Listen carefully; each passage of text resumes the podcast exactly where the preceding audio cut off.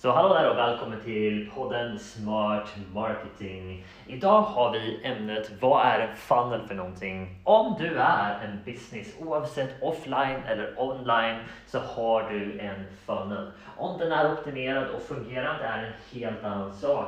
Så låt oss gå in på vad en funnel faktiskt är för någonting så att du kan göra din mer effektiv och ännu bättre.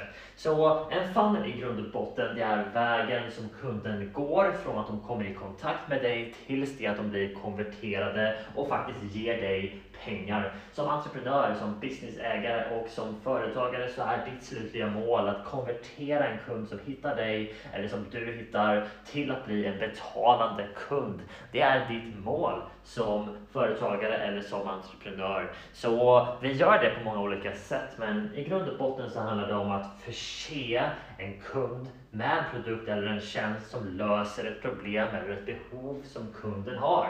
Och en funnel är i grund och botten vägen som kunden går från det att de är ett lead eller ett prospekt till det att de blir konverterade och ger dig pengar för din produkt eller din tjänst. Så varför är det här så extremt viktigt? Jo, för att det är så många entreprenörer idag som spenderar majoriteten av sin tid på icke inkomstproducerande eh, aktiviteter. Och om du vill få din business att växa, om du vill göra mer av det som du är bra på, det som är kul, det som troligen är anledningen till att du startade din business för många år sedan kanske, kanske nyligen, kanske många år sedan.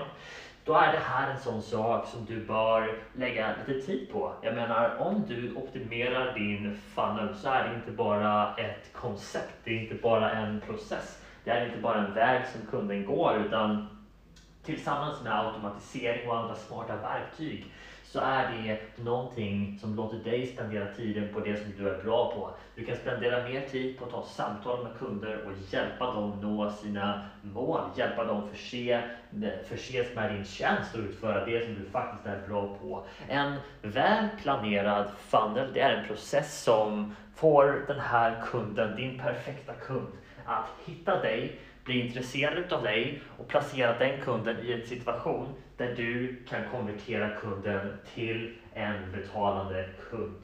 Så låt mig ge dig ett exempel på hur en offline funnel kan se ut. Okay? Det kan vara ett typiskt exempel som en advokatfirma, en typisk expert. Eller en advokat är expert på ett visst område eller kanske fler områden.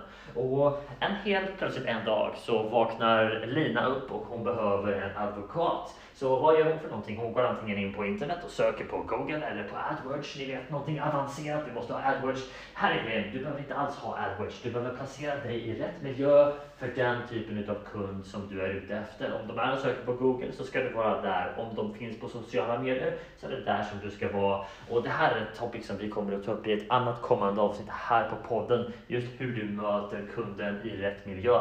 Extremt viktigt och det kommer att spara dig massvis både med pengar, frustration men också givetvis få dig bättre kunder och bättre leads. Så Lina i alla fall, hon är ute efter en advokat och hon går kanske in på internet och söker, vilket de flesta gör när de ska vara advokat idag. Vi vet, vi jobbar med många advokater. Eh, och det hon söker efter är väldigt specifikt. Till exempel skilsmässoadvokat, företagsjurist. Man söker specifikt, eller hur? Eh, och det är det första. Här kommer hon för första gången i kontakt hon hittar den som är väl representerad eller som fyller hennes behov. Och det här är första steget i en funnel. Hon ser den, hon hör om den, hon får den rekommenderad någonstans. Det är nummer ett. Den andra biten för den här offline funneln är att de ringer in till kontoret eller blir kontaktade. De kanske chattar på hemsidan. Eller, vi behöver inte gå in på detaljer här, men den första är attention. Det är den första, eller uppmärksamhet. Hon hittar fram.